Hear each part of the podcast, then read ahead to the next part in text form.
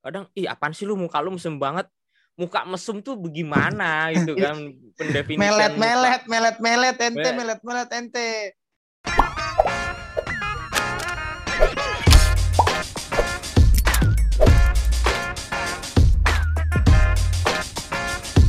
Balik lagi di ngejarah ngemengin sejarah bareng gue Romdani Sidik dan partner gue, rekan gue dan yoi jelas kohos, kohos anjay kohos. oh yoi Bro Jati anjay. Iya iya iya iya boleh juga panggilan lu sekarang le le oke assalamualaikum warahmatullahi wabarakatuh gue Jati ya kan malam ini balik lagi di ngejarah kita bakalan ngemengin ngemengin sejarah apa nih le malam ini le Mungkin ini kali Jati ya. Apa ya? Apa? Belakangan ini banyak terjadi kasus Jat. uh set apa tuh kasus kasus apa le? Kasus menarik nggak nih kasusnya menarik nggak nih? Ini kalau pasti ini, menarik ini pasti kan menarik banget ini ini pasti menarik banget.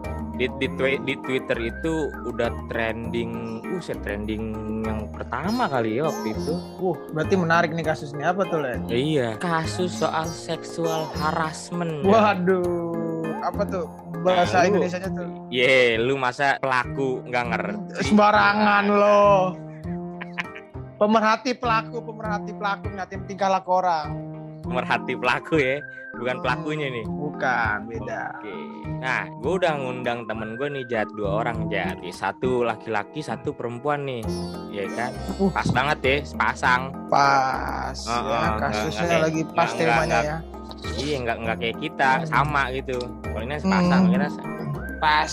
Yang kagak Pas pas kan jadinya. cuma bolot sama maling, bolot sama ya, maling ya dapet. iya makanya. Kalau ini pas nih, pas Ini mantap. Pas nih, pas. Ada Sean sama Se- Uli. Bu. Halo, Sean. Uli, coba saya hello dulu dong sama kawanan penjara, pendengar ngejar. Halo semua pendengar sejarah. Halo, Iya. halo aja. Halo aja. Kartu, halo. Tenang Oke. ngomong nggak nggak kena pulsa kok ngomong panjang nggak kena pulsa di sini.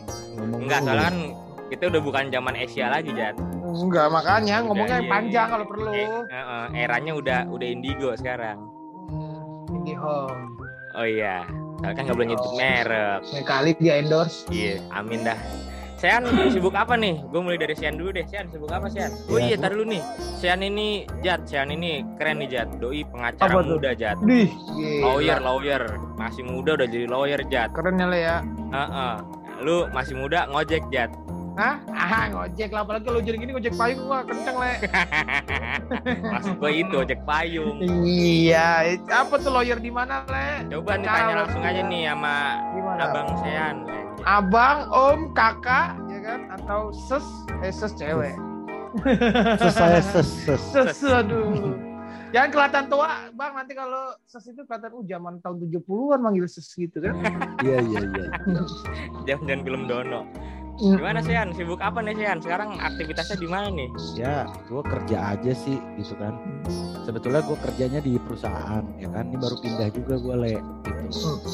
Kemarin kan di di makanan, sekarang kosmetik gitu. Hmm, Jadi hmm. legal. Nah cuman Oh, kan legal. di luar kantor gue apa namanya praktek sendiri juga, terus aktif di organisasi. Gitu. Oke. Lu bukannya pernah inian ya? Aktif kayak di semacam LBH begitu ya? Iya, Kayak firma hukum gitu. Di firma hukum iya, di bantuan hukum juga iya. Oh. Itu dua beda, beda dua itu. Oh, LBH sama firma hukum itu beda. Lembaga Iya. bantuan hukum sama firma hukum itu beda. Beda. Bedanya tuh di mana tuh? Kalau firma hukum pasti kan tujuannya ekonomi gitu kan, tujuannya maksudnya untung gitu kan, beneficial. Oke. Kalau LBH ya pastinya sosial gitu. Kerja sosial ya. Ya. Heeh. Sama kayak temen gue yang ini nih kerja sosial nih dia nih. Ya Uli ya. Pekerja sosial. Iya iya Uli betul. gimana nih kabarnya nih? Sibuk apa nih sekarang nih? betul dong. Lagi Hah? sibuk skripsian aja nih. Cucian. Skripsian, skripsian. Oh, Eh, ente kuping dengerin makanya. iya Mali. Skripsian li. Kakak Uli, kakak Uli lagi skripsian apa? Lagi skripsian. Eh, doain lagi bab 4 nih. Enggak, enggak, enggak mau. Ya, Ya, gue doang. ya. Iya. Yang doa cuma hat nih ya, di sini ada empat orang yang doain cuma yang amin cuma satu berarti ya berat li. Ya nggak apa-apa. sih. Satu juga berharga. Hmm. Nggak nyampe. Kudu Ini selain orang. enggak nih selain selain selain skripsian ngapain nih? Dengar-dengar jadi ini ya nih pekerja sosial. Iya, aktif di Sosial media. itu. Enggak sih. Aktif di isu-isu agraria aja sih akhir-akhir ini karena sempat eh, magang juga kan di konsorsium pembaruan agraria di NGO. Oh, oke oke oke. Tapi lu concern juga gak sih, Li, sama isu-isu tentang perempuan gitu? Oh iya tentu dong. Apalagi kemarin-kemarin tuh kan sempet ya nggak cuma isu misalnya soal kekerasan seksual tapi juga misalnya soal perempuan pedesaan kayak gitu. Waduh, mantap Iya. emang kakak Uli ini. Wah, emang keren ya, Jat. Nggak salah nih berarti gue ngundang dua orang ini, Jat. Hmm, Bener berarti kalau nggak salah. Iya, kalau nggak salah ya bener sih, iya. Asal jangan salah semua aja tuh kan. Ya, remedial nanti. Oke, nih, Sayan, Uli. Belakangan ini kan ada kasus banyak ya, banyak kasus beredar nih tentang eh, pemerkosaan, kemudian juga pelecehan seksual gitu kan. Apalagi dilakukan oleh eh, ada yang dilakukan oleh oknum ini ya, oknum eh, Pejabat. ASN ya, bukan pejabat sih, Jat, bukan pejabat. Jabat juga ada sih sebenarnya nggak cuma nggak ke apa aja sih kayaknya Le. Iya sih, kayaknya pasti itu pasti ada ya. Heeh. Inian, apa sih namanya sebutannya abdi negara kali ya kita sebut ya. Iya. Polisi. Ah, iya, kita sebut sebagai sebuah abdi negara dan juga ada nama kalau nggak salah juga ada nih dia tokoh tokoh agama juga guru-guru guru di pesantren ya Hmm. Ulama Pesantren gitu. kilat. Pesantren kilat bukan Le? enggak dong enggak dong kalau pesantren kilat kan cuma tiga jam Ya. Kalau ini pesantren beneran nih ada pondoknya. pesantren beneran ya. ini pesantren beneran nah ini menurut pandangan kalian berdua gimana nih soal kejadian-kejadian yang belakangan ini terjadi nih apalagi sampai makan korban jiwa ya gitu kan sampai makan korban jiwa terus ada juga yang korbannya belasan malah kan gila. ada lagi yang dilakukan juga oleh pejabat eh bukan pejabat sih oknum tenaga pendidik di kampus Jat Waduh. Guru kan digugu dan tiru malah ditiduri muridnya. Le, le. Astagfirullahaladzim memang bejat banget ini kelakuan ini enggak setan Dunia sudah setan juga kayak minder Jat dunia sudah berganti rupa memang, Le. Eh, emang dunia sudah berganti rupa. Gimana nih Oke, gimana gimana ya, kalian siap, nih? Eh, boleh Dari- dari Sean, boleh dari Uli, silakan Ya sweet aja deh, sweet deh. Kalau enggak, Ladies first dong. Oke. waduh. Jadi Kakak Uli ini gimana Kakak Uli? Eh, Memandang beberapa isu yang lagi ramai dan hangat ini. Ramai, ramai rumah kiek. Tadi ngegolin Jat. Pemain terbaik, Le. Yoi. Lanjut li, lanjut li. Lu ada yang celutukan lu Jat. ini gue eh, tadi sempat apa namanya ada kata oknum gitu ya Le. Sebenarnya kata-kata oknum juga ini sebenarnya rada bermasalah sih buat gue ya. Saya kayak mau ngomong bahwa eh, pelaku pemerkosaan yang baru-baru ini kita lihat sempat heboh ya di media itu kan ya kita sebut aja dia polisi gitu nggak usah pakai oknum kepolisian atau oknum Oke, apa. karena kadang-kadang justru makna uh, kata oknum ini tuh untuk menyelamatkan instansinya gitu loh menyelamatkan instansi si kepolisiannya supaya nama kepolisiannya tetap uh, bersih gitu ya.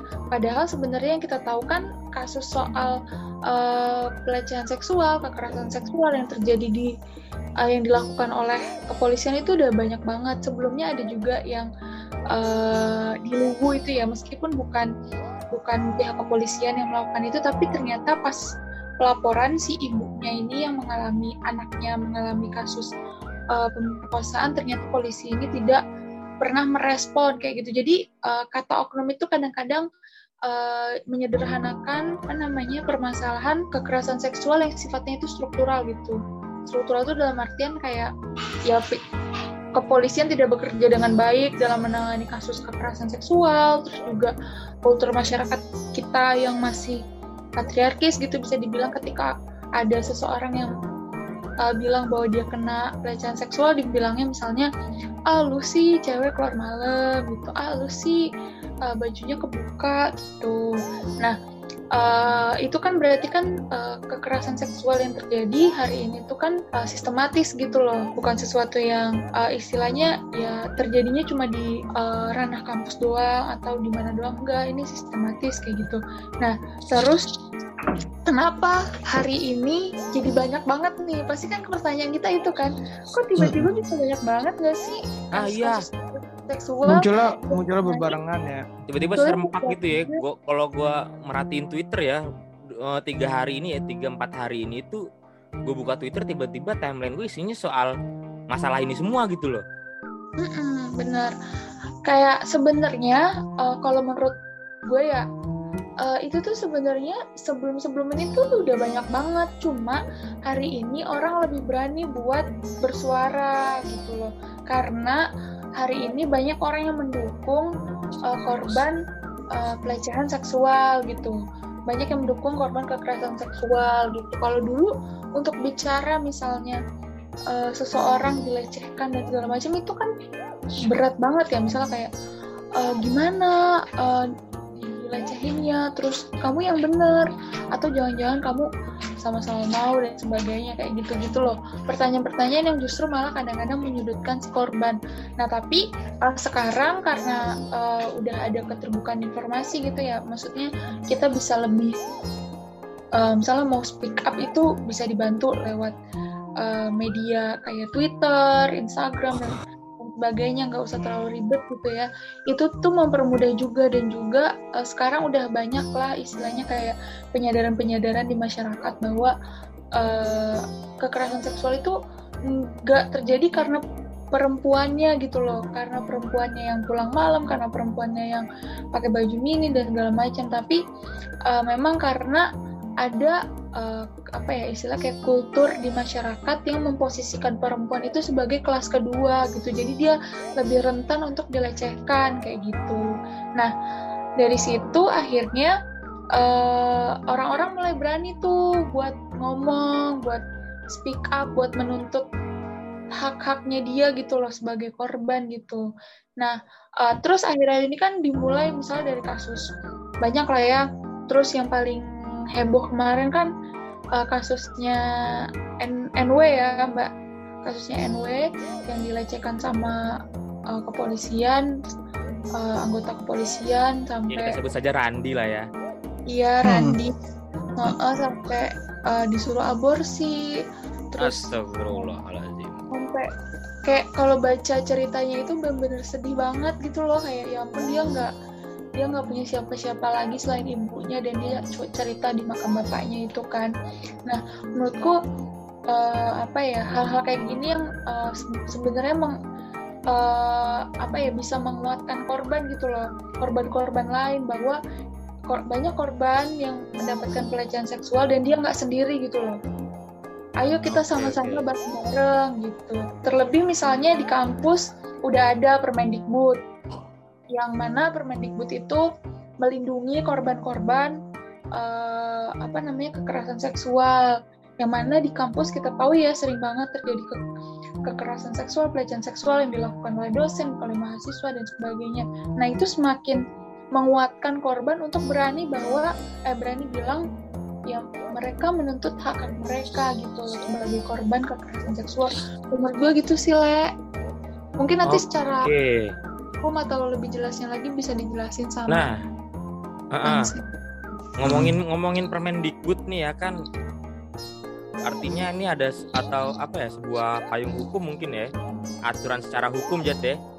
Iya maksudnya gini apa apa memang kan muncul banyak dan kadang kalau gue nggak tele ya ya kan kayaknya uh apa kan itu baru kakak misalnya keluhannya oh penanganannya lama segala macam lama. Apakah memang ada sih yang mengatur tentang uh, pemerkosaan ataupun kekerasan seksual yang secara undang-undang itu pasti gitu. Kok kenapa masih ada kayak kadang kalau cerita-cerita gitu kan korban kan biasanya kan spill spill gitu kan dulu lah ya ceritanya. Spill. segala macam oh ternyata penanganan penanganan untuk pertama kalinya itu kayak apa ya kayak nggak ditanganin lah bahasanya kan gitu kan.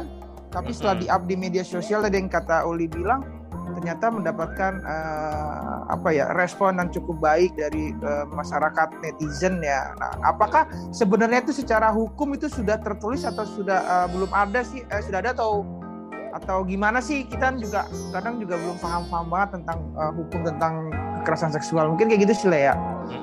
Bisa kan, di share ya.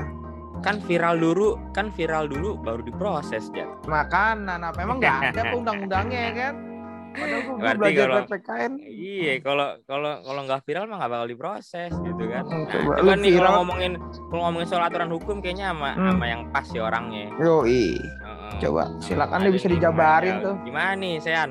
Soal tadi ya, tadi sempat disinggung nih soal Permendikbud yang dikeluarin sama Menteri Nadim ya, Mas Menteri itu soal gimana perlindungan pelecehan seksual di instansi pendidikan.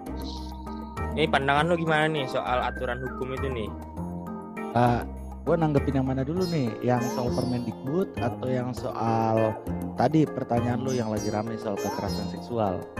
Boleh dua-duanya langsung kalau okay. ya, kita mah mainnya kita mainnya borongan aja bang. Iya iya iya iya. Ya. kalau harian tekor.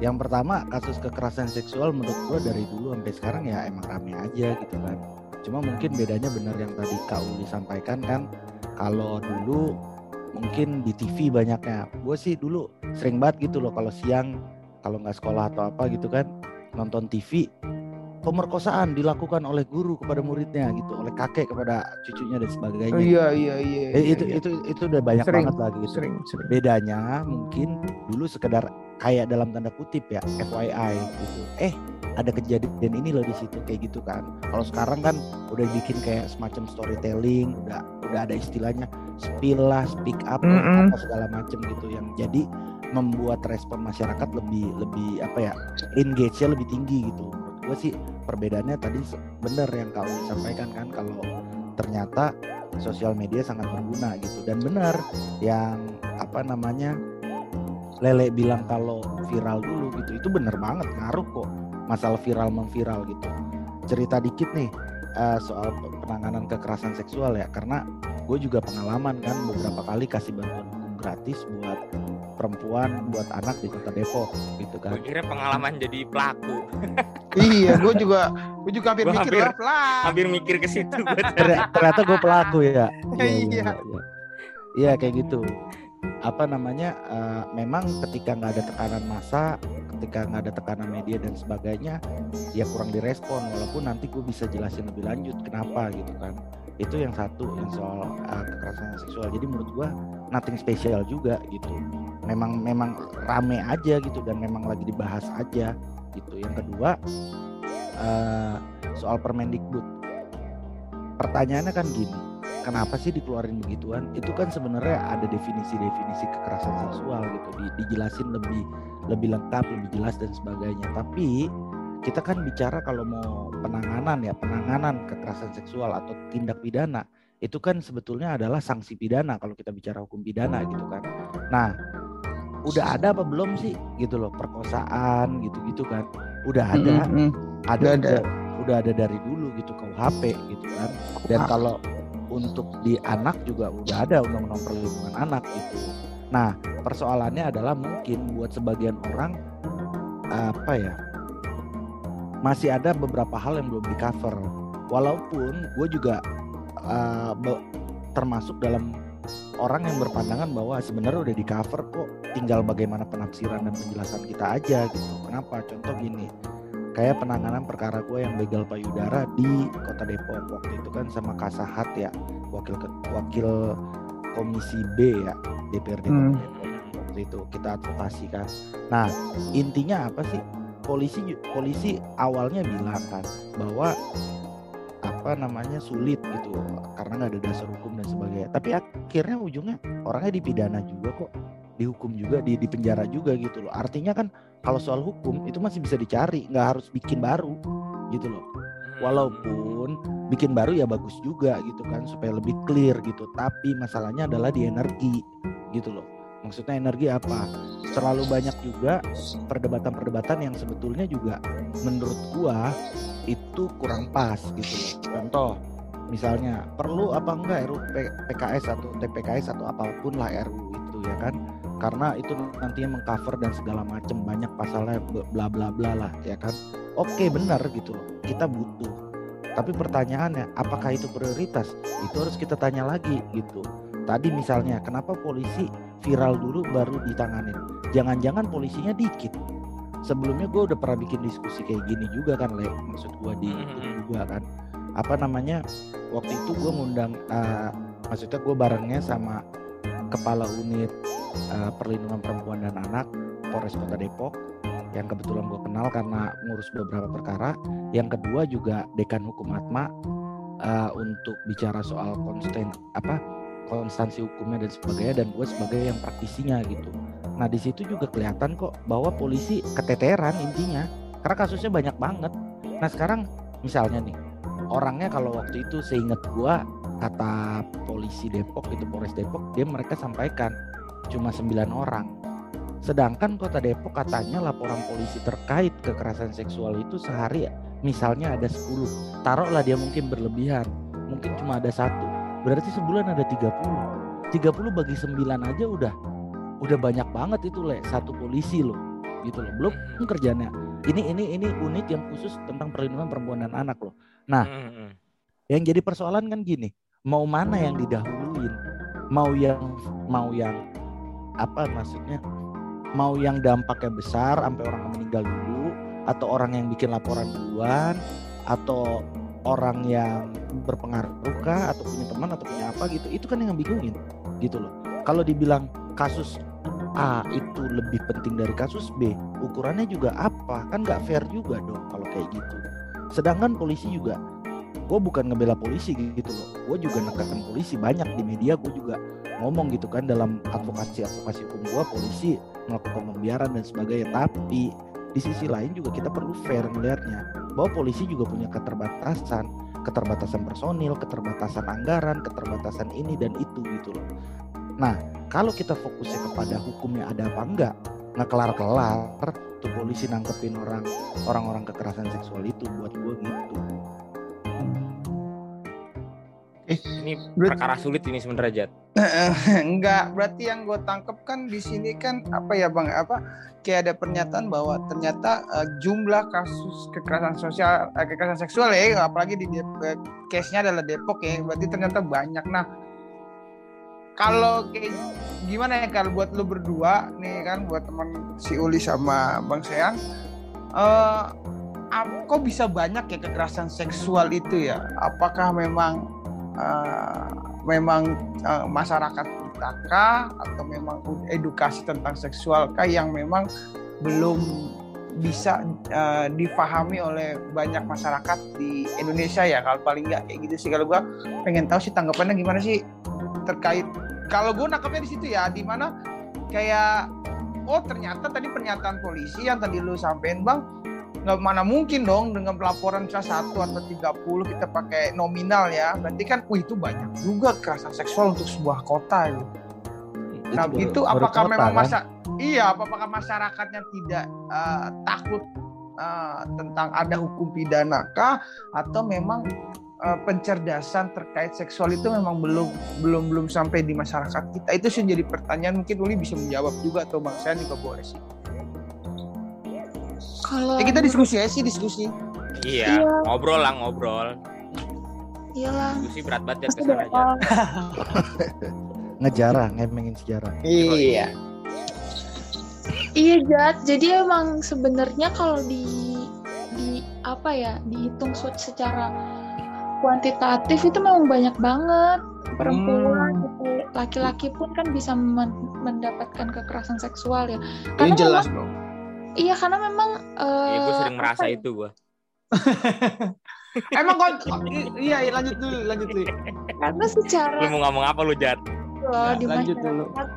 Kita tuh kadang-kadang suka uh, membiarkan itu gitu loh. Jadi lama-lama wow. dibiarkan dibiarkan lama-lama itu menjadi uh, kekerasan seksual gitu loh. Nah, uh, dan pendidikan soal kekerasan seksual pun juga paling kita baru kenal pun akhir-akhir ini karena banyak kasus yang uh, naik gitu soal kekerasan seksual. Sebelum-sebelum itu kan kita menganggap itu hal yang kayak ya udah wajar aja paling kita mikir oh dia mah sama-sama mau kayak gitu-gitu Wow. Heeh, nah, Juga terus kayak mau gitu say nah terus kayak eh, apa eh kalau misalnya dan apa ya kayak dari hal-hal kecil sih sebenarnya kayak perempuan yang yang kebanyakan ya kebanyakan di diatur soal eh, bagaimana dia berpakaian bagaimana dia berperilaku itu kan semakin eh, membuat bahwa eh, ada nih gap gap antara laki-laki dan perempuan ada yang lebih memiliki kuasa gitu loh ada yang lebih memiliki kuasa dan kalau itu terus dibiarin lama-lama uh, kuasa satu salah satu gender ini kan semakin dominan. Nah, ketika ada yang dominan ini nantinya akan menyebabkan uh, si perempuan ini yang sebagai uh, subordinat lah istilahnya yang di bawahnya itu makin rentan untuk entah mengalami pelecehan, kekerasan dan sebagainya kayak gitu. Nah itu tuh makanya uh, kan aku nggak tahu ya nanti mungkin bisa dijelasin lebih lanjut. Dalam hukum itu kan sebenarnya yang paling penting itu pencegahannya gitu. Hmm. Ya gimana supaya uh, ini nggak terjadi lagi kayak gitu. Dan pun misalnya dalam kasus uh, kekerasan seksual gitu ya uh, bukan hanya korban yang mendapatkan pendampingan, tapi pelaku pun juga mendapatkan pendampingan karena nggak ada yang tahu misalnya ketika dia udah dihukum dia bakal berubah atau tidak gitu loh. Bisa aja oh. masyarakat semua udah menghujat dia, dia merasa dunia udah nggak berpihak lagi sama dia, ya udahlah sekalian aja gue melakukan hal yang terburuk gitu loh. Gue gue sekalian aja ngelakuin itu lagi gitu. Nah makanya uh, dalam apa ya dalam hukum gitu ya nggak uh, bisa tuh cuma ya udah yang penting pelaku uh, dipenjarain. Yang penting pelaku uh, sengsara lah hidupnya karena udah melakukan itu. Nggak bisa juga gitu. Jadi uh, memang harus ada pendampingan di kedua belah pihak gitu loh. Ya kita tahu misalnya pelaku itu salah dia melakukan uh, perbuatan yang merugikan orang lain. Tapi kan bukan berarti kita harus menyelesaikan hidup dia gitu kan. Kita kan bukan Tuhan ya. Ya Uh, uh, dia juga harus mendapatkan pendampingan bagaimana nantinya dia bisa menjadi manusia yang lebih baik nggak melakukan hal itu. Istilahnya dia sadar gitu loh. Nah makanya uh, pencegahan terus juga pendampingan itu menurutku yang paling penting gitu loh dalam uh, apa namanya menekan kasus kekerasan seksual gitu. Ya memang benar juga nggak kita nggak nggak nggak harus terpaku gitu loh sama hukum gitu loh. Ketika pencegahan kita udah bisa lakukan ketika pendampingan udah bisa kita lakukan itu bisa menekan uh, apa kasus kekerasan seksual yang saat, saat ini lagi melejit banget. Tapi kan itu semua butuh payung hukum gitu loh. Butuh sesuatu yang legitimate gitu.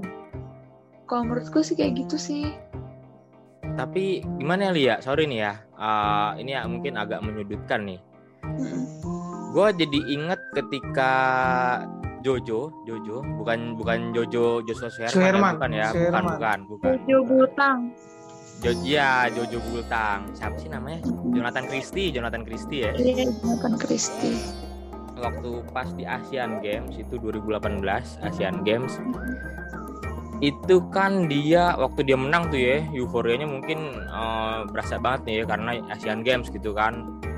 Buka baju bet gitu kan pamerin badan. Ya itu mungkin selebrasi dia ya dia bukan seolah-olah dia pengen pamer atau gimana dia dia cuma cuma pengen merayakan atau pengen uh, melakukan selebrasi gitu. Tapi ketika diposting di media sosialnya dia kemudian dia dapat ujaran-ujaran atau ucapan-ucapan yang seolah-olah tuh uh, ini tuh kekerasan seksual bukan sih ya? Misal gue, gue, gue kurang paham nih. Dia tuh dapat dapat komentar kayak ya ampun rahimku anget ya ampun. Wah itu kan buat gue apa ya sebagai sebuah pelecehan seksual atau bukan gue nggak paham nanti mungkin kalian berdua bisa ngejabarin itu sebagai Hmm. sebuah tindakan pelecehan seksual atau bukan kan nah tapi giliran eh, perempuan yang mendapatkan perlakuan seperti itu gitu dari kaum laki-laki ya misalkan dapat komentar ataupun dapat Kiu, komentar ya kiu, kiu. misalkan iya atau Q gitu kan Q ojek enggak nah Mm-mm. itu langsung di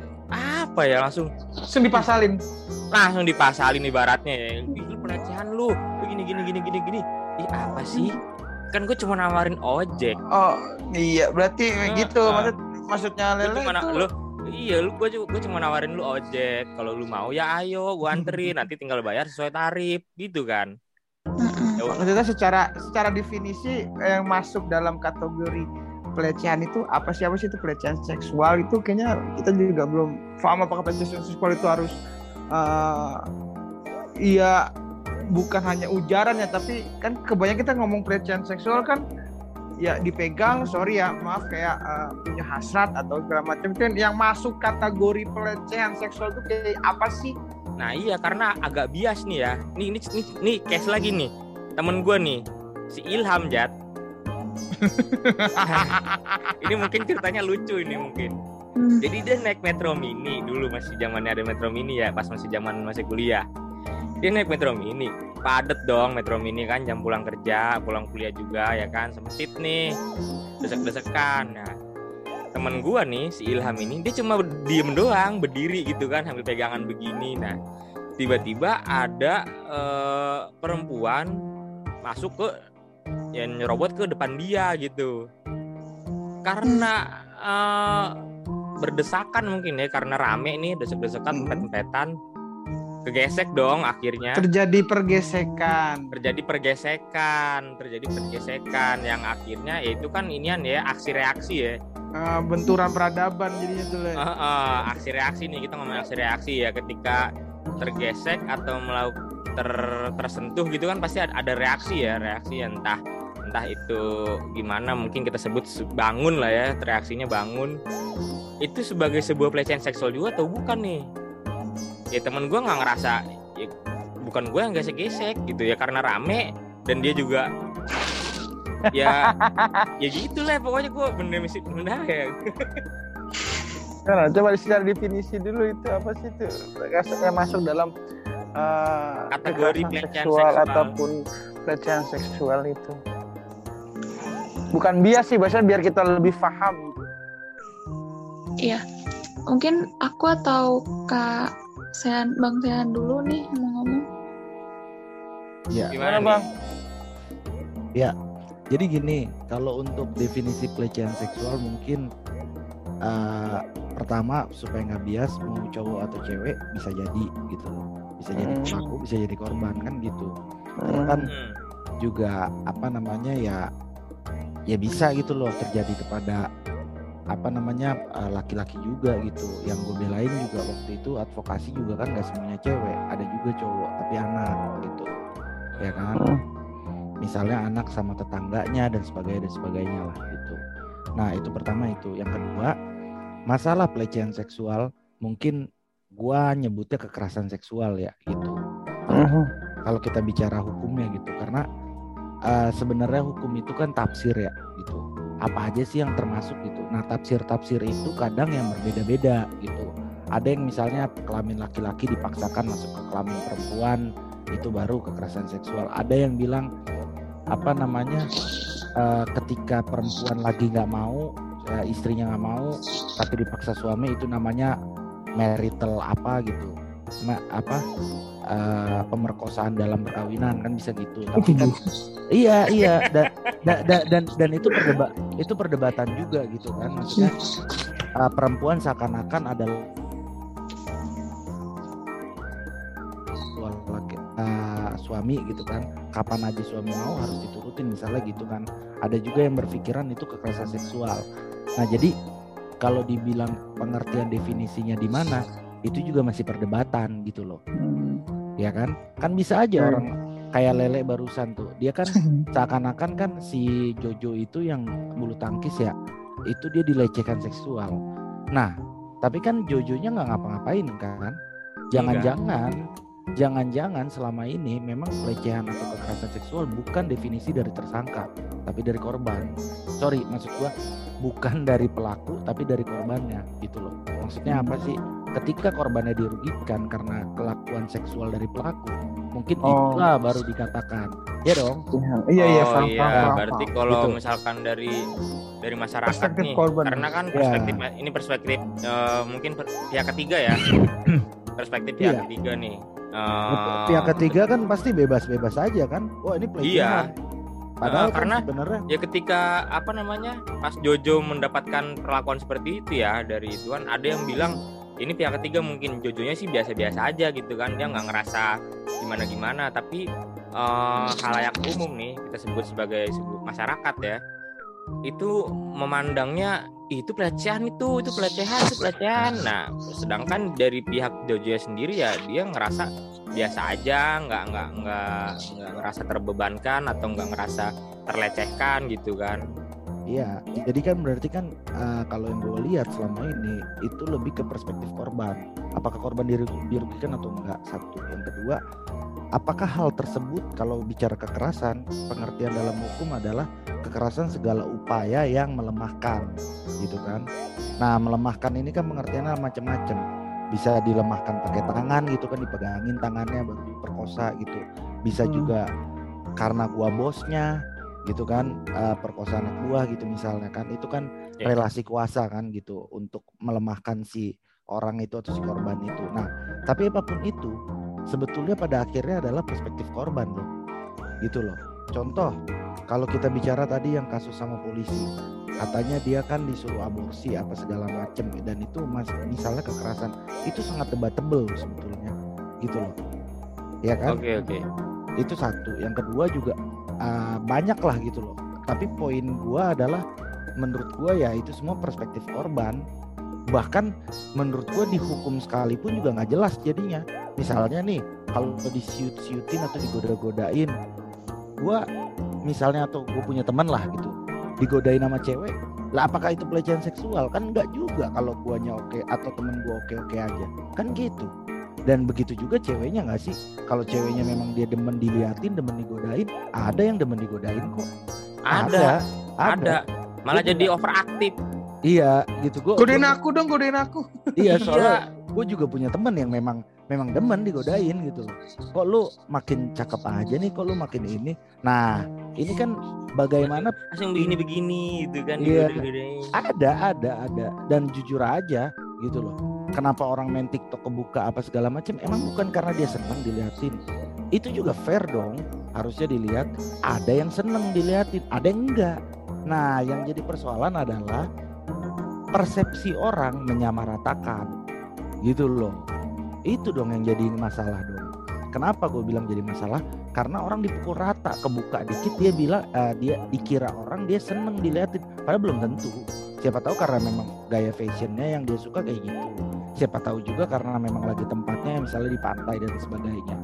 Tapi dia juga bukan yang suka diliatin. Tapi ada juga. Nah terus gimana? Kak eh, tadi yang kak Uli udah sampaikan kan gitu bahwa pencegahan itu penting penting gitu kan? Mungkin pencegahannya bukan untuk orang jadi ngerti banget kekerasan seksual atau pendidikan atau apa. Atau pendidikan umum aja kita masih rendah kok minat baca aja rendah apalagi soal-soal beginian yang udah ribet banget. Betul betul. Ya enggak Mm-mm. di kampus gua aja mana ada yang ngomongin ginian ya ada tapi sebagian kecil lah gitu loh yang beneran concern. Nah maksud gua apa?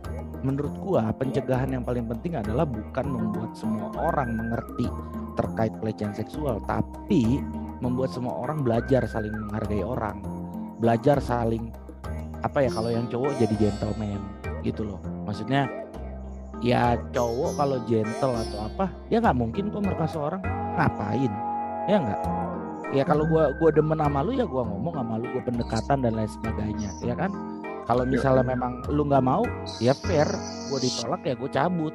Nah itu kan orang yang gentleman gitu loh. Dan gue juga diajarin lingkungan gue kurang lebih kayak gitu gitu loh. Kalau memang gue suka gue demen ya gue deketin. Pendekatan dan lain sebagainya kalau gagal ya apa mau dikata nah ini kan persoalannya adalah orang yang dia demen dia maksa gitu loh. Bener gak Po- poin utama Iya, tuh iya, itu, itu nggak sih? Gitu loh. Nah kenapa nggak bikin orang supaya berpikir dia lebih fair gitu loh? Lebih fa- satu yang buat laki-laki mungkin buat gentleman. Jangan lu megang tangan cewek atau badan cewek kecuali dia yang minta. Itu kan nggak perlu lu pakai teori ini dan itu gitu loh. Lu diajarin aja yang benar soal begituan menghargai orang. Jangan kan megang cewek megang cowok aja juga nggak bisa sembarangan kali orang ada yang tersinggung dan sebagainya. Itu satu yang cowok. Yang kedua yang cewek. Yang cewek juga fair dong. Ini kan misalnya baju terbuka dan lain sebagainya. Ada aksi ada reaksi. Ya wajar lah kalau misalnya di ada orang yang pemikirannya belum sampai. Ya enggak kan ada orang yang belum pemikirannya sampai. Wah lu terbuka banget di pantai dan lain sebagainya. Ada orang yang kayak gitu Ya masa di pantai mau pakai sarung. nah Kenaan, iya kan gitu loh gerah. tapi kan tapi kan maksud gua orang masih ada loh yang kayak gitu contoh kalau lu lihat aja di misalnya di Instagram artis atau selebgram atau apa pun kan banyak tuh foto yang Iya, iya, mereka benar. pakai bikini segala macam di komen mbak auratnya bu auratnya segala macam." itu kan lo nya aja nggak mikir Lagi- gitu loh berarti kan Lagi berenang. iya kan persoalan Lagi kan berenang di komen. Ih, pamer pamer pamer lah. Lagi berenang masa pakai jubah berenang situ Iya nggak? Superman berenang pakai jubah Nah itu kan orang-orang aja nggak mikir, lu nggak mikir aja sih gimana sih lu orang namanya berenang kan gitu misalnya.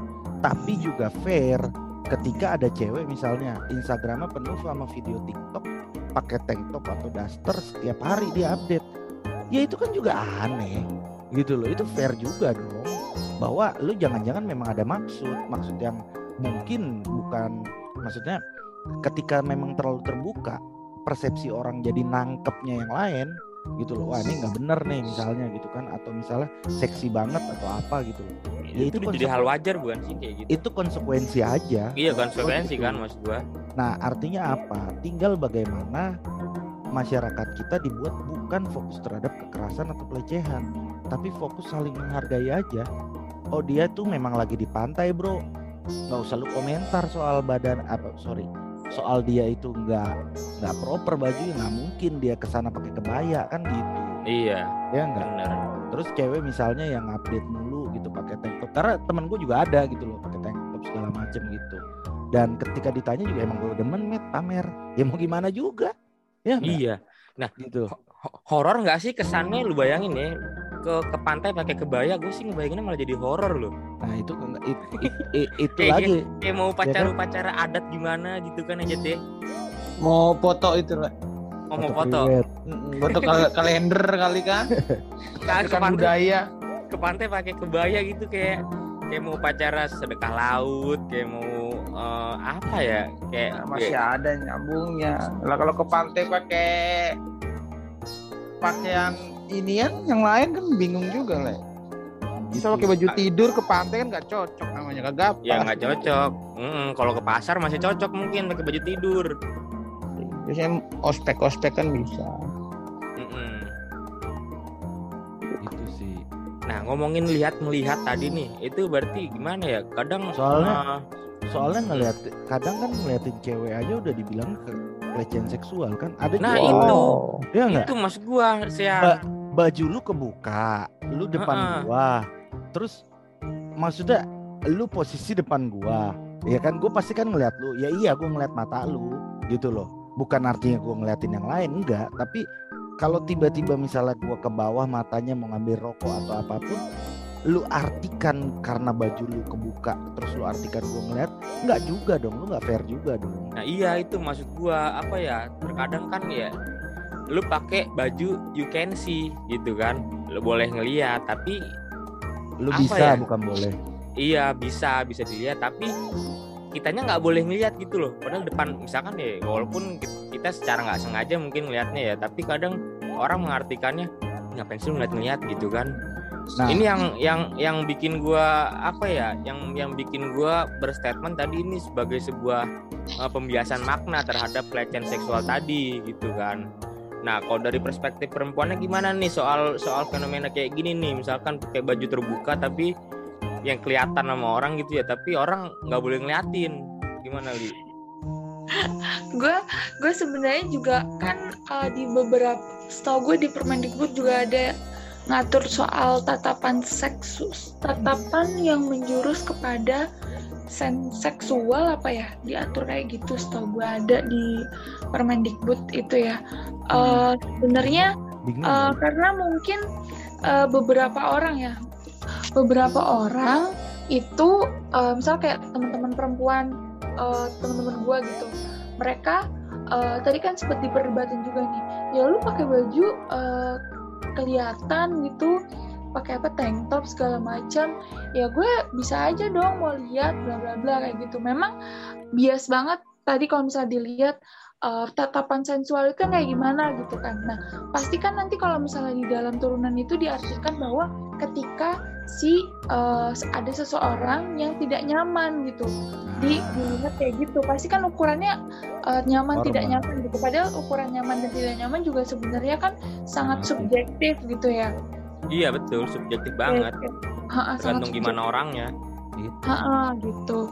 Nah, uh, tapi setahu setahu gue kalau misalnya uh, dalam dalam misalnya kayak ta- tatapan sensual yang mengarah ke arah sensual dan bla bla bla itu uh, tidak bisa uh, di di apa ya di dikatakan sebagai uh, kekerasan seksual atau pelecehan seksual yang nanti dibawa ke arah yang lebih jauh misalnya. Kalau di dalam Permendikbud itu kan dia, kan ada ada ada tarafan ya ringan, sedang, berat kayak gitu. Nah itu kalau kayak gitu biasanya akan diselesaikan dengan uh, permintaan maaf Keluargaan.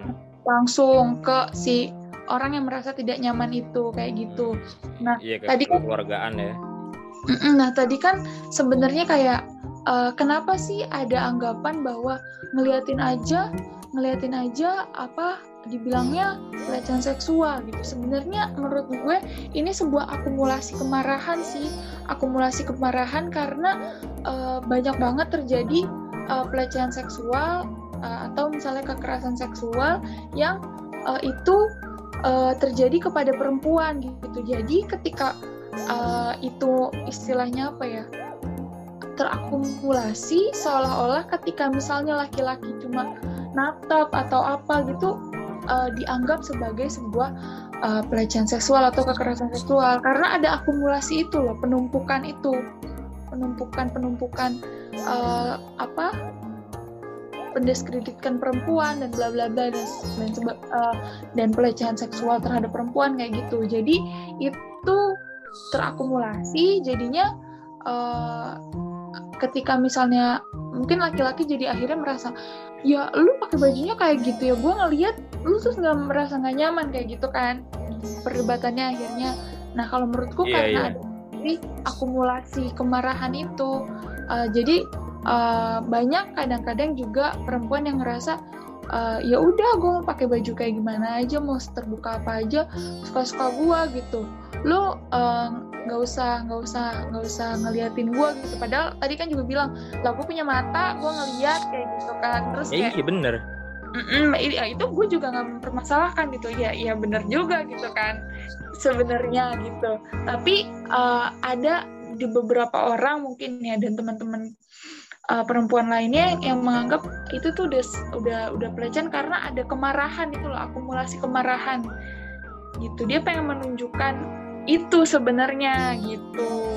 Cuma mungkin eh, di beberapa orang eh, akhirnya itu malah jadi semacam tadi yang bias itu. Kayak ada eh, lucu juga ya menurut gua eh, lucu gitu ya waktu pas eh, demo hari buruh.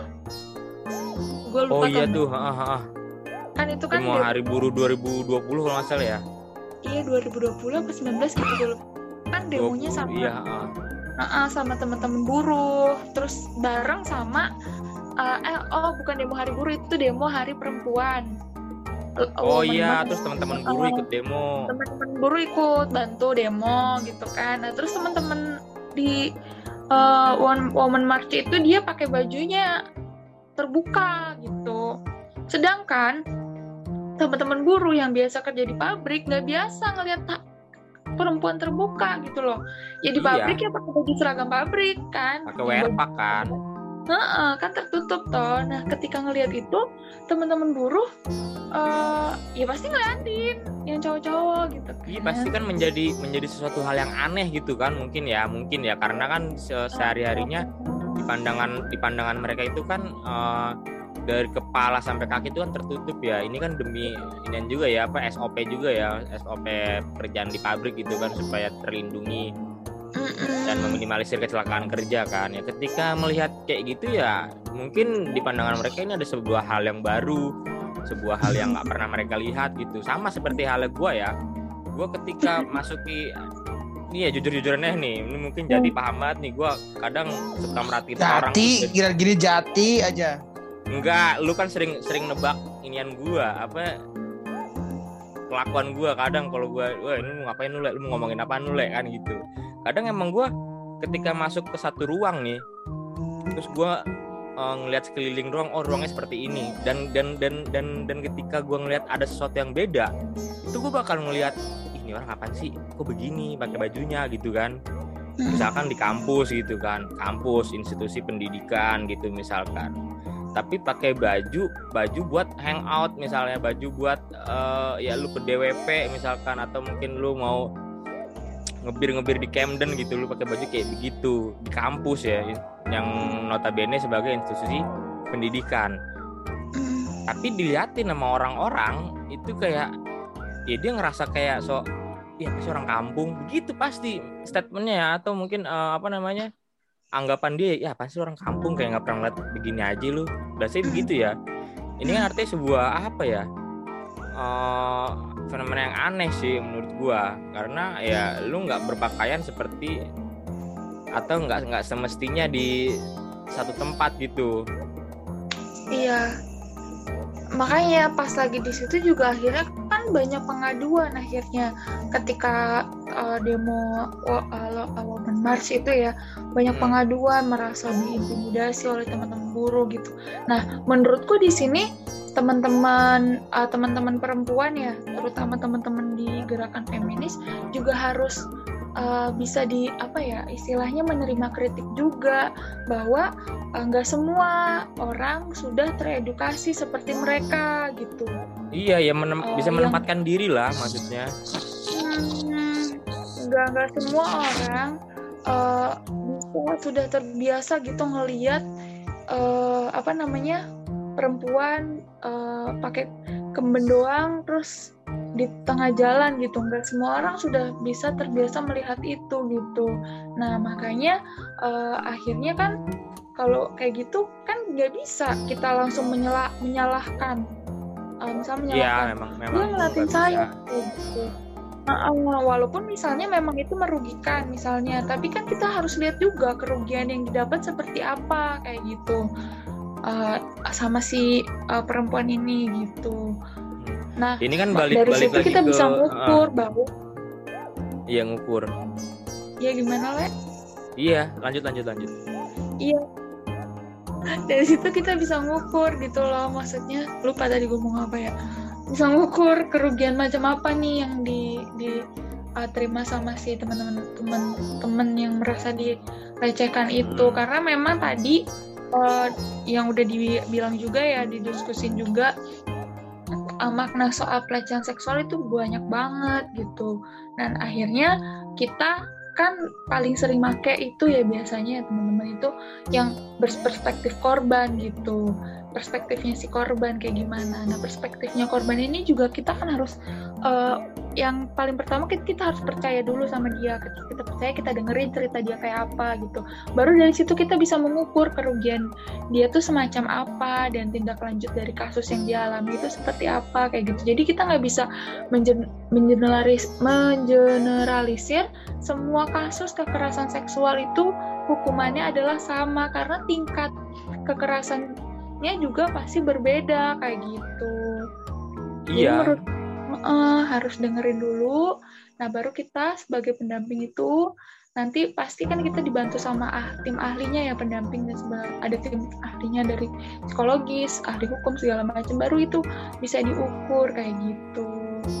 ini kan balik lagi ke inian sebenarnya sih norma adat negara kita ya ketimuran ya norma adat negara kita yang ketimuran yang mungkin dari segi berpakaian pun nggak seperti itu. Karena kan berpakaian berpakaian terbuka itu eh, ini gue bisa klaim itu sebagai sebuah budaya luar yang masuk ya misalkan. Budaya barat lah. Makanya kan dulu ketika eh, apa Soekarno itu kan ngelarang banget nih soal bagaimana budaya barat masuk gitu kan. Karena memang dampaknya akan buruk mungkin bagi eh, kehidupan bangsa. Dan memang akhirnya kejadiannya seperti hari ini gitu kan budaya barat masuk artinya banyak banyak kemudian yang eh, entah mungkin pakaian ya kita kita mungkin di sini pakaian ya yang yang apa yang kita bahas.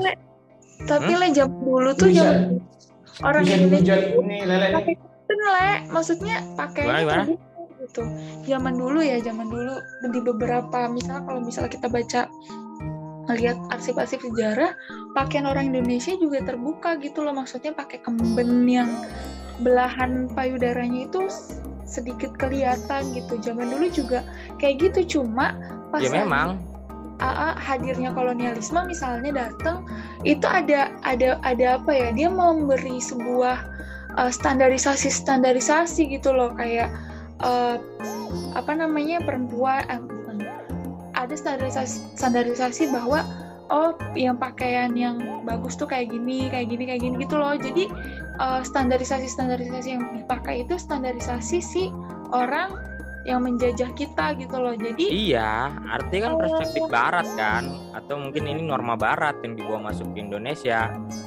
Padahal dari dulu kita uh, ngelihat orang berpakaian terbuka, misalnya zaman itu uh, cewek-cewek Indonesia banyak dulu pakai kemben doang, nggak masalah gitu. Tapi ketika ada standarisasi itu jadi bermasalah gitu loh. Oke, oke, oke. Gue nanggepin dikit nih soal tadi tuh, Coba-coba gimana tuh? budaya barat. Yang menurut gue sih budaya barat mau kebuka mau enggak sih ya bebas-bebas aja gitu kan. Atau badan-badan dia lah dia yang mau pakai baju itu gitu loh. Cuman kan persoalannya adalah masyarakat udah siap apa belum. Jadi kalau Hmm. dibilang baik atau buruk ya itu relatif juga gitu kan. Iya. Apakah budaya barat masuk jadi jelek kan nggak juga jelek lah Le. Ya memang apakah berakibat buruk belum tentu juga gitu tuh nggak apa-apa lah dia mau pakai baju apa cuma dia harus terima konsekuensi di masyarakat kita yang masih kayak gini Mm-mm. lu berpakaian seperti itu ada akibatnya bro atau sis gitu loh Iya, Nah. ya kan tadi ya aksi reaksi Ada. kan. nah tapi ada ada ada lagi yang gue pengen sampaikan juga ini kenapa di awal gue bilang prioritas itu dalam penanganan perkara. Coba bayangin kalau kasus tatapan mata sensual masuk ke polisi entah berapa laporan polisi per hari jadinya. Karena semua orang bisa mengartikan tatapan mata sensual. Jangan-jangan tatapan mata sensual bukan cuma ketika kita ketemu langsung nih. Tapi jangan-jangan ke virtual gini mata lu udah sensual dari tadi le. Liatin. Gitu loh. Ya kan bisa jadi gitu. Kalau kalau kalau maksud gua kenapa gua tadi bilang masalah ke prioritas dan kerugian dan sebagainya? Karena kita punya resource terbatas. Idealnya memang semua hal kalau bisa kita cover. Tapi kan ngelihat kenyataannya itu jauh api dari panggang gitu loh. Iya. maka dari itu apa sih yang kita bisa lakukan atau kita bisa diskusikan terkait dengan apa kekerasan seksual ini adalah penanganan perkara yang cepat. Itu dulu gitu loh. Benar secara hukum itu harusnya ada pendamping psikologis, ada pendamping hukum, bantuan hukum gratis, bantuan support apa segala macam safe house dan sebagainya. Nggak jalan kok. Depok nggak punya safe house. Iya. Depok Depok Depok jadi kalau untuk pendamping-pendamping yang perempuan dan anak itu itu sebetulnya udah ada lembaganya namanya P2TP2A gitu. Nah, di Depok nggak jelas tuh P2TP2A-nya. Gua bisa ngomong gini karena setiap eh, dari berapa kali gua advokasi viral dulu baru datang tuh P2TP2A. Harusnya kan nggak gitu. Harusnya ketika gua dateng bawa korban apa segala macem polisi mungkin ngabarin P2TP2A karena gue juga nggak kenal atau P2TP2A-nya udah mangkal di Polres. Tapi enggak. Alasannya apa? Orang kami terbatas, Pak.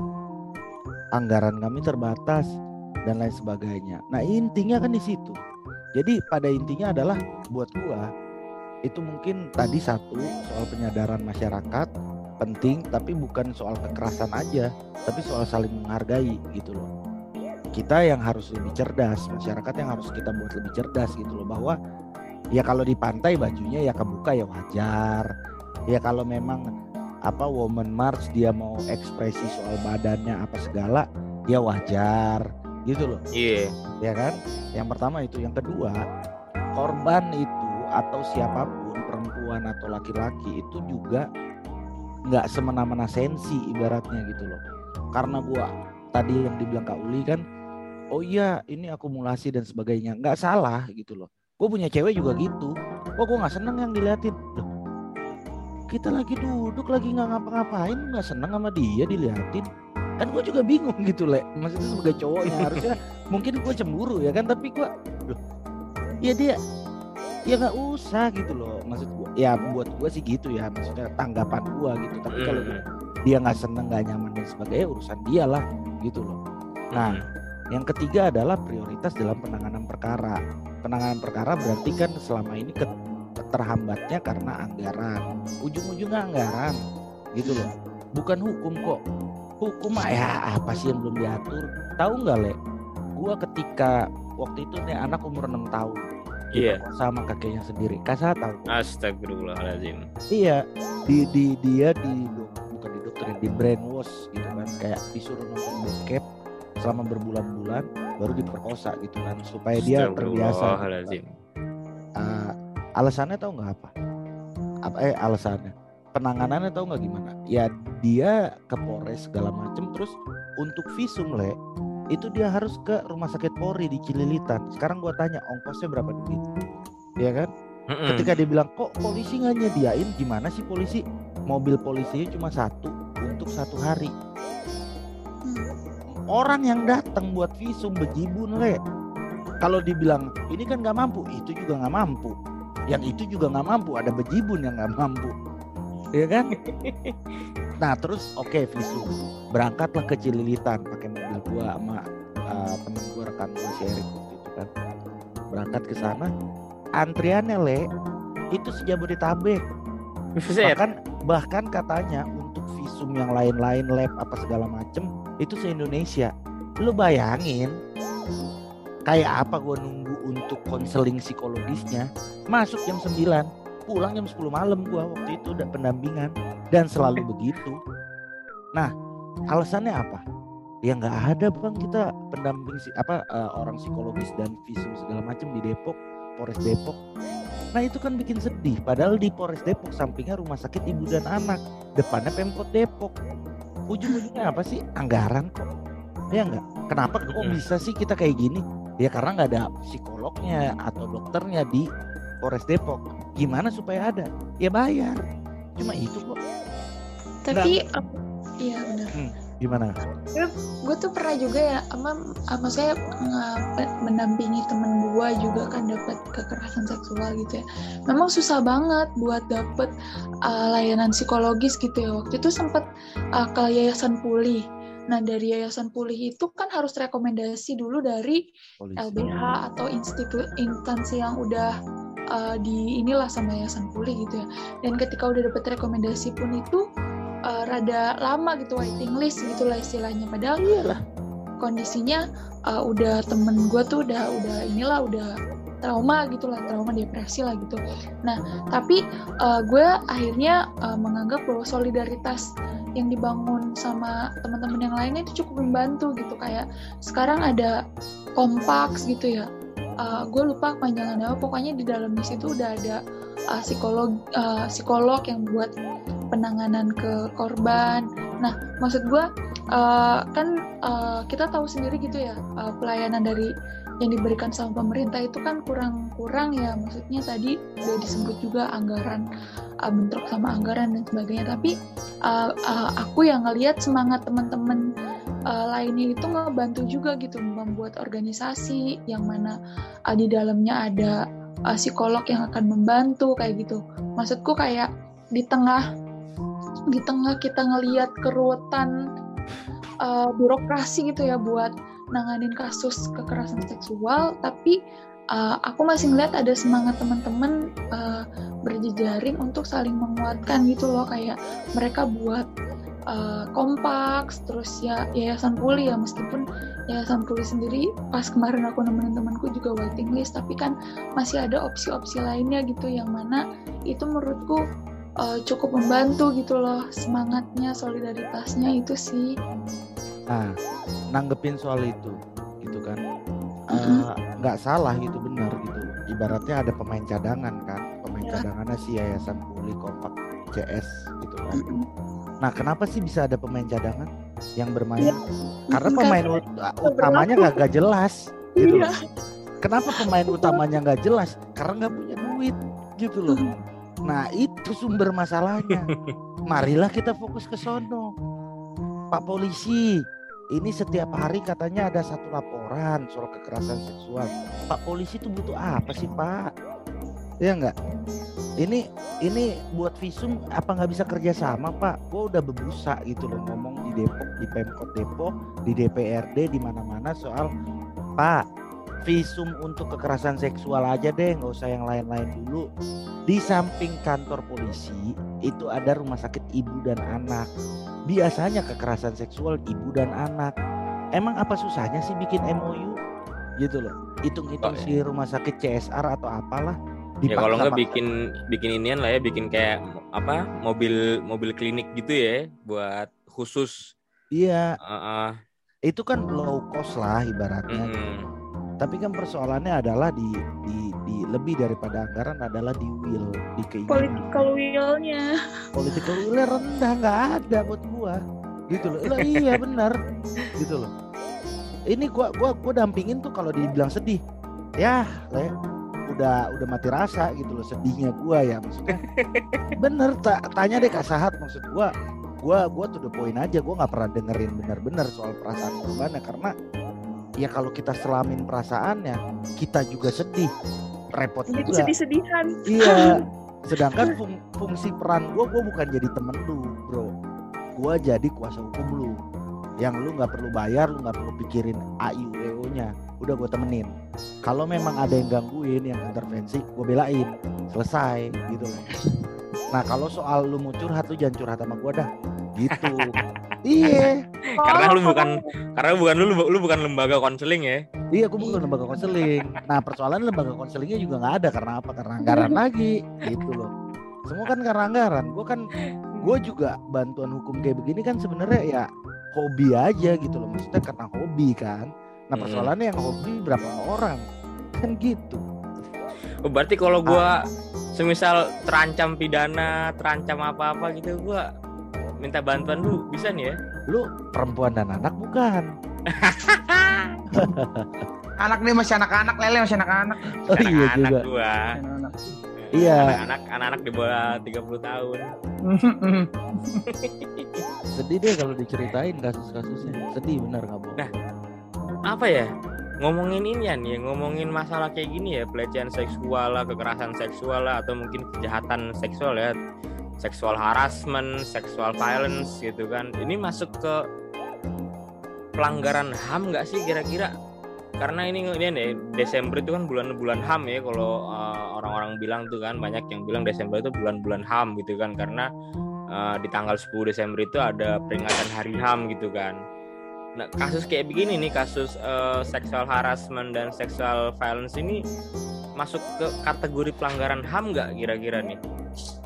Eh, Dari buat- kacamata hukum dulu deh. buat gua nih misalnya eh, menurut gua itu pelak nggak semuanya itu pelanggaran HAM. Tapi yang menurut gua clean and clear itu pelanggaran HAM adalah KDRT kenapa? Karena Oke. gua juga dampingin beberapa korban KDRT ada yang bantuan hukum ada yang bukan bantuan hukum. Kesian. Itulah yang paling kesian menurut gua. Dibanding anak dia karena kecil aja makanya nggak bisa ngelawan. Tapi kalau KDRT dia udah gede gitu loh. Dia udah istri dia udah punya anak udah gede lah pokoknya. Maksud gua dia bisa mukul bisa apa segala macem tapi dia nggak bisa ngapa-ngapain menurut gua kemerdekaannya dia sesungguh-sungguhnya direnggut dari perkawinan itu gitu Hmm, makanya itu Ini- pelanggaran HAM Oke. Nah, dulu dari dari lu gimana, Li? Kalau gue ya baca soal pelanggaran HAM itu eh, hak asasi manusia, pelanggaran hak asasi manusia itu kita- kalau gue yang eh, mungkin bisa dikoreksi kalau salah, membacanya harus ada eh, maksudnya peran-peran negara yang lalai gitu. Misalnya dalam kasus eh, kekerasan seksual gitu. Eh, kita tahu misalnya si korban ini kayak yang kasus di eh, Sulawesi itu yang ibunya eh, melaporkan eh, mantan suaminya karena udah memperkosa anak-anaknya pas dilaporkan ke polisi ternyata polisi itu nggak nggak memproses kasus itu dan justru malah bilang ke ibunya bahwa ibunya punya penyakit jiwa. Nah berarti di sini Oh kan iya ada iya iya, gua gua masih inget, gua masih inget tuh. iya ini kan ada kelalaian negara ya. Nah baru ini bisa dikatakan sebagai pelanggaran HAM karena negara tidak menjalankan fungsi-fungsinya gitu. Nah Iya. ya di kalau misalnya eh, apa namanya dijalankan fungsi-fungsinya si si pelaku dihukum seadil-adilnya dan segala macamnya menurutku itu eh, tidak terjadi pelanggaran HAM karena eh, ini udah berjalan. Eh, negara ada ada regulasinya dan segala macam. Pelaku diberikan hukuman si korban diberikan eh, apa namanya hak-haknya gitu loh. Nah itu menurutku kayak gitu. Tapi kalau misalnya ada peran-peran negara yang justru malah eh, tidak berjalan dan malah semakin memberatkan eh, korban itu kupikir itu sebagai pelanggaran HAM sih karena hak-haknya tidak dipenuhi gitu di sana. Hak-hak dia sebagai manusia kayak gitu. Kan negara kan harusnya bisa menjamin itu ya. Atau yang paling rendah itu negara bisa memoderatori itu gitu loh. Nah tapi ketika itu tidak berjalan ya udah itu merupakan pelanggaran HAM. Iya, Makanya karena ketika- Iya, nuntut eh, HAM kita nuntut ke siapa? Ke negara gitu. Iya betul ya peran negara menurutku sih. Karena sesuai amanat Undang-Undang Dasar Negara Republik Indonesia tahun 1945 Indonesia adalah Betul. negara hukum. Bukan Hmm. begitu? Eh siapa? Bro Jati? Gila, lu nggak usah begitulah.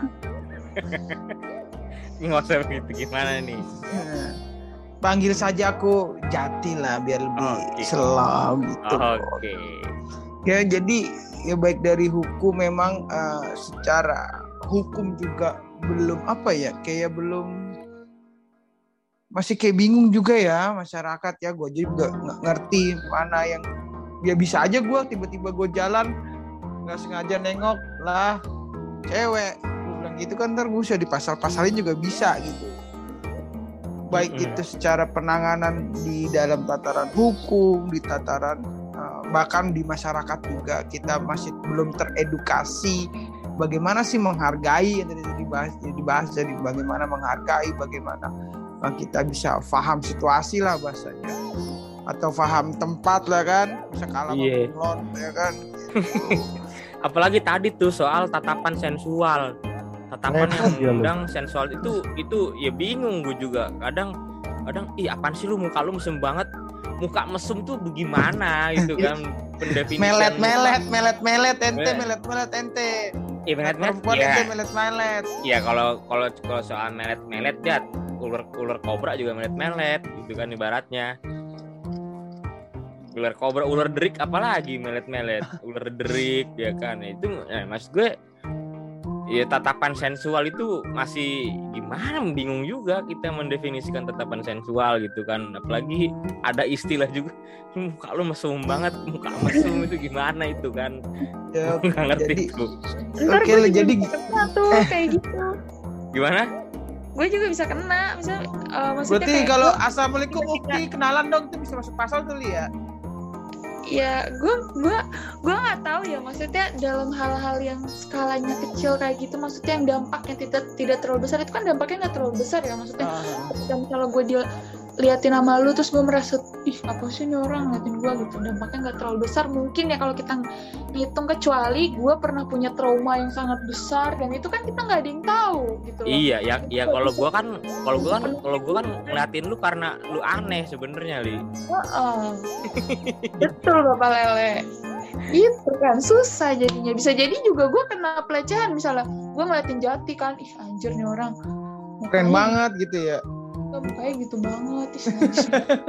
Lu bisa juga Iya. kena gitu loh jadi sangat rentan semua orang bisa kena sebenarnya Nah, memang apalagi kan Jati sering sering melakukan bujuk rayu bujuk rayu tuh kan. hmm, mat licik Iya, itu itu bisa jadi ke arah itu kan tuh kan di mana ujaran-ujaran yang mengandung sensualitas. nggak pernah gua gua hanya obrolan-obrolan biasa Oh iya iya iya iya iya sudah. Tapi emang ini ya ngomongin kasus kayak gini tuh eh, pelik banget memang. Karena ya dari zaman kolonial dari pun- penanganannya segala macam terus juga dari iya, sejarah juga enggak maksud gue panjang. dari dari dari dari zaman kolonial sendiri pun juga eh, mungkin udah banyak ya kasus kayak gini dan mungkin juga pun penanganannya juga eh, ya kurang lebih sama dengan hari ini gitu misalkan. Apalagi terlebih ketika zaman pendudukan Jepang ya. Ketika zaman pendudukan Jepang itu malah oh lebih sadis lagi men soal pemerkosaan pemerkosaan gitu kan. Jugu Yanfu. Iya, Jugu Yanfu, Jugu Yanfu dikumpulin dalam satu ruangan cuma jadi pemuas nafsu para tentara-tentara Jepang gitu kan. Nah, kalau di era kolonial mungkin ya agak sedikit bersih lah karena dia dijadiin gundik gitu kan. Walaupun sebenarnya gundik juga cuma jadi pemuas nafsu aja. Ini kan nah ini yang kayak begini nih misalkan. Hari ini kan juga masih ada nih ya istri-istri simpenan gitu kan. Ini tuh masuk ke apa ya? Sudah, sudah. Itu sudah ke mana-mana. Kejauhan, kejauhan. oh kejauhan ya. Oke sorry sorry. Agak bingung juga nih. Iya, karena karena pada akhirnya lu jadi ngomongin hubungan laki-laki dengan perempuan menurut gua. Oke Jadinya Siap. semua semuanya masuk kan kalau kayak Mm-mm. gitu, iya sih bener juga ya kan? Jangan-jangan pacaran selingkuh juga apakah itu kekerasan seksual kayak gitu-gitu. Kan jadi Ah. banyak banget kalau kita ngomong gitu. eh tapi tahun 98 ya Cian pas reformasi itu banyak tuh korban-korban eh, perkosaan ya waktu pas reformasi 98 tuh jadi yang ini yang yang disasar nih yang orang-orang etnis Tionghoa nih. Ketika 98 itu kan mungkin ada sentimental ya. Ada rasa sentimen yang dibangun nih antara kaum pribumi dengan kaum Tionghoa waktu itu. Nah ketika reformasi 98 pecah itu banyak akhirnya orang-orang Tionghoa itu yang kemudian eh, dapat perlakuan kasar ya. Misalkan kita sebut itu perlakuan kasar karena diperkosa gitu kan sama kaum kaum pribumi ini. Itu sadis itu juga itu itu yang tadi kau bilang negara nggak hadir intinya. Iya negara nggak hadir. mampu ya memang ya, artinya negara sudah nggak menjalankan pasal 1 dalam undang-undang dasar 1945 ya Bro Jati apa tuh le Is, apa tuh le?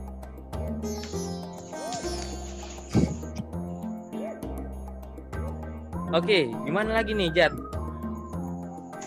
panjang le yang benar ngomongin tentang eh, secara definitifnya eh, definisinya kan pelecehan itu sebenarnya eh, payung hukumnya sudah juga banyak gitu loh. Tapi ternyata juga eh, banyak permasalahan. Makanya tadi yang gue pengen bilang itu eh, terkait eh, pelecehan seksual ya. Berarti yang selama ini itu betul untuk bagaimana sih pencegahan-pencegahan agar itu tidak terjadi. Karena kan tadi kan pun dalam praktiknya yang disebut dengan pelecehan seksual kan kayak ya banyak banget gitu loh. Ini bisa dianggap pelecehan ini bisa dianggap pelecehan gitu makanya yang harus dibangun adalah pertama ada ada apa ya kayak ada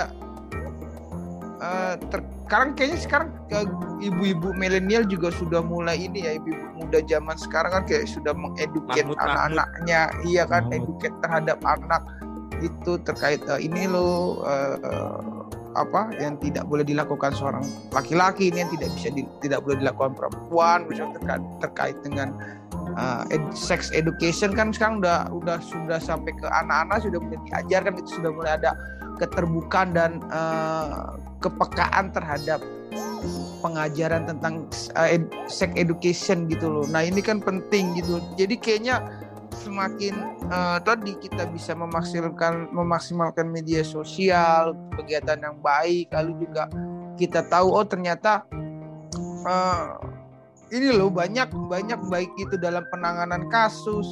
Ya yang tadi di share sama Bang Sen oh ternyata juga polisian juga sebenarnya kesulitan ya kan dalam penanganan kasusnya. Terus juga kalau kita panjangin lagi tadi panjang ternyata oh ternyata kok bisa banyak. Kenapa sih bisa banyak ya kan? Apa yang salah lagi? Bisa banyak kasus seperti itu. Ditarik lagi tarik lagi. Memang nggak apa perlu perlu perdebatan. Bukan bukan perdebatan ya perlu ada obrolan lebih lanjut ada obrolan yang lebih panjang gitu. Tapi kalau eh, mungkin bisa kita di statement ya eh, teman-teman ya yang di akhir, terakhir ya. Kalau mau terakhir ya nggak apa-apa. Kalau mau lanjut juga nggak apa-apa.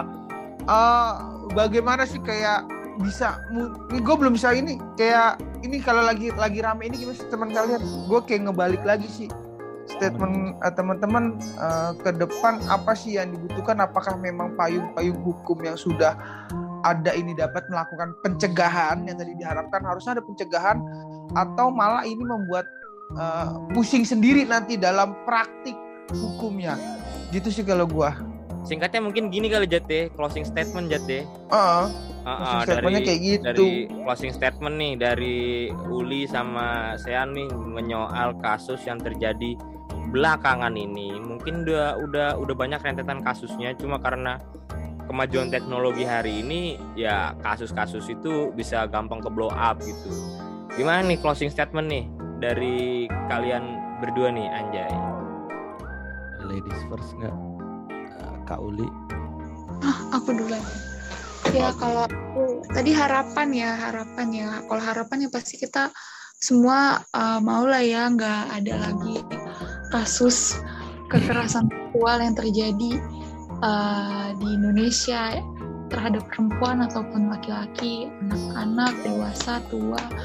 Pokoknya mau nggak ada lagi itu gitu ya. Terus tadi yang sudah dibilang juga sama ASEAN belajar kita buat menghargai orang lain, memanusiakan manusia.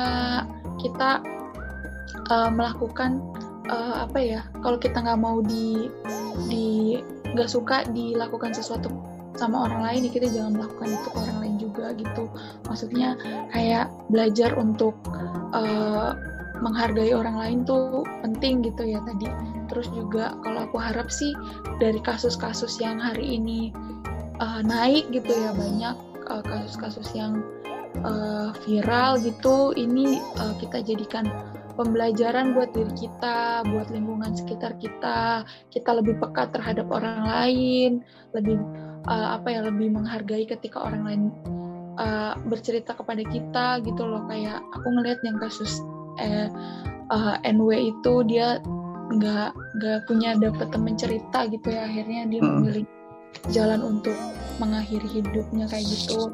Nah uh, menurutku uh, ini apa ya bisa jadi pembelajaran buat kita semua. Kita harus lebih peka terhadap orang lain. Tentunya yang paling yang paling bisa kita terapkan kan kepada orang lain di sekitar kita gitu sih.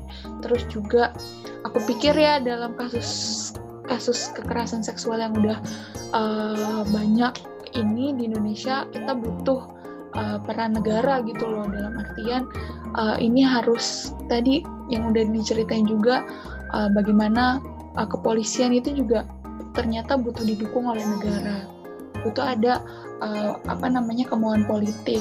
Dan instansi-instansi uh, lainnya yang berkaitan juga harus uh, didukung gitu loh harus ada kemauan politik untuk uh, apa ya bisa kasus-kasus ini tuh tidak tidak tidak akan terjadi lagi kayak gitu. Selain itu juga ya kita uh, apa ya ada semacam uh, ya pendidikan lah gitu kepada masyarakat. Kita mulai mungkin dari teman-teman kita sendiri. Ya tadi yang dibilang dalam untuk menghargai orang lain, peka terhadap orang lain. Ya itu dulu hal yang paling kecil yang bisa kita lakukan. Kayak gitu sih kalau dari aku. Lanjut. Bang okay. Sean mungkin. Oh. Dari Sean gimana nih?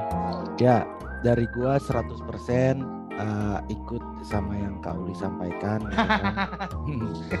Walaupun gua gua mungkin uh, apa namanya simpulkannya beda dikit aja gitu, tapi intinya sama. Ada tiga hal dalam kekerasan seksual ini yang perlu kita perhatikan. Yang pertama adalah uh, pencegahan itu sendiri. Menurut pandangan gua adalah kita kita kesulitan kita punya banyak kesulitan tentang penyadaran dan sebagainya maka dari itu pendidikan itu harus dibangun untuk saling menghargai dulu antara manusia dengan manusia manusia di masyarakatnya begitu juga dengan masyarakat kepada manusia itu gitu satu itu yang kedua terkait dengan kemauan atau will ya kan? Dari pemerintah dari kepolisian dari segala macam instansi yang terlibat dalam penanganan pencegahan dan segala macam soal kekerasan seksual menurut gue willnya mungkin harus perlu dibangun lagi. Kalau memang sulit untuk dibangun ya ditekan kan gitu. Ya gitu. Betul. Untuk ya dia supaya bergerak kan gitu. Karena Iya. kalau kalau nggak ditekan ya nggak gerak juga kadang-kadang. Seringnya gitu gitu kan. Nah yang ketiga terkait dengan penanganan pada akhirnya penanganan itu bicara uh, anggaran bicara logistik bicara bensin bicara uang. Semuanya pada akhirnya pada akhirnya suka nggak suka diakui nggak diakui tapi pada akhirnya seperti itu gitu. Nah maka dari itu kalau tiga hal ini secara pelan-pelan bisa kita bangun sama-sama sebagai masyarakat, sebagai generasi berikutnya dan sebagainya, mungkin ada harapan uh, kekerasan seksual ini bukan untuk hilang sama sekali, tapi kita bisa punya satu masyarakat yang lebih nyaman lah untuk kita tinggal karena nggak nyaman juga gitu. Kalau kayak kota Depok kota begal udah begal. Begal rampok begal payudara juga buset dah. Ya kan gitu. Kurang masalah gue kerja di Depok belum, ini masalah gue masalah belum, gue di, di Depok belum, ini masalah belum lagi babi ngepet iya iya benar masalahnya gue kerja di Depok ini le tuh masyarakat macam apa tuh kota Depok tuh kalau dibilang kayak gitu udah begal rampok begal payudara coba astaga Bye-bye aja. Begal duit enggak kan tapi begal duit enggak lah ya. Begal duit lu. banyak juga tuh. Banyak juga. Enggak lu bye-bye aja. Begal demokrasi. Enggak lu bye-bye aja. Gue nggak mau aja nih gue nih ada berita tahu-tahu kan berinisial JA oh bahaya banget nih. JA mah banyak le. Emang banyak tapi kan yang JA Jati Apriantoan lu doang. Jati di depan gua doang le namanya. Iya. Gimana Bung Lele? Kayaknya okay. nih ngejarah eh, nggak uh, cuma ngomongin sejarah tapi uh, bisa membahas yang lagi in di masyarakat yang membuat uh, kadang kita bingung nih bagaimana sih beritanya ini yang benar kayak gini bukan yang benar tapi yang Betul. yang yang bisa gue ketahui apa sih wah kan jadi karena kita... memang karena memang tujuan belajar sejarah itu bukan cuma buat mempelajari masa lalu Jat. Uh, Tapi bagaimana kita mempelajari masa lalu untuk bisa menata hari ini dan kehidupan yang di masa yang akan datang. Mm -mm. Kalau menata piring itu tugasnya waitress lah. Nah iya itu ya kalau menata piring, menata baju itu beda lagi ya. Ini menata mm -hmm. kehidupan ya kan oh. artinya supaya bahasa kasar gini lah supaya kita nggak bisa nggak jatuh ke lubang yang sama gitu kan. Nah, uh, makanya ya, pentingnya belajar sejarah ini makanya jangan bosan belajar sejarah kalau misalkan bosan belajar sejarah berarti yang salah gurunya ya bukan mm -mm, sejarahnya betul bukan sejarahnya gurunya berarti nggak bener itu oke okay. kalau begitu thank you banget nih buat oke okay, siap uh, Sean buat Uli saya Uli makasih banget nih udah thank mau you. mampir join di podcast ngejarah ngemengin sejarah anjay anjuy Thank you banget. Oke, okay, uh, eh, mungkin apa ya? Closing statement dari kita perlu nggak sih, Jat? Perlu. Coba dong, Le, lu, Le. Aduh, bingung juga sebenernya gue.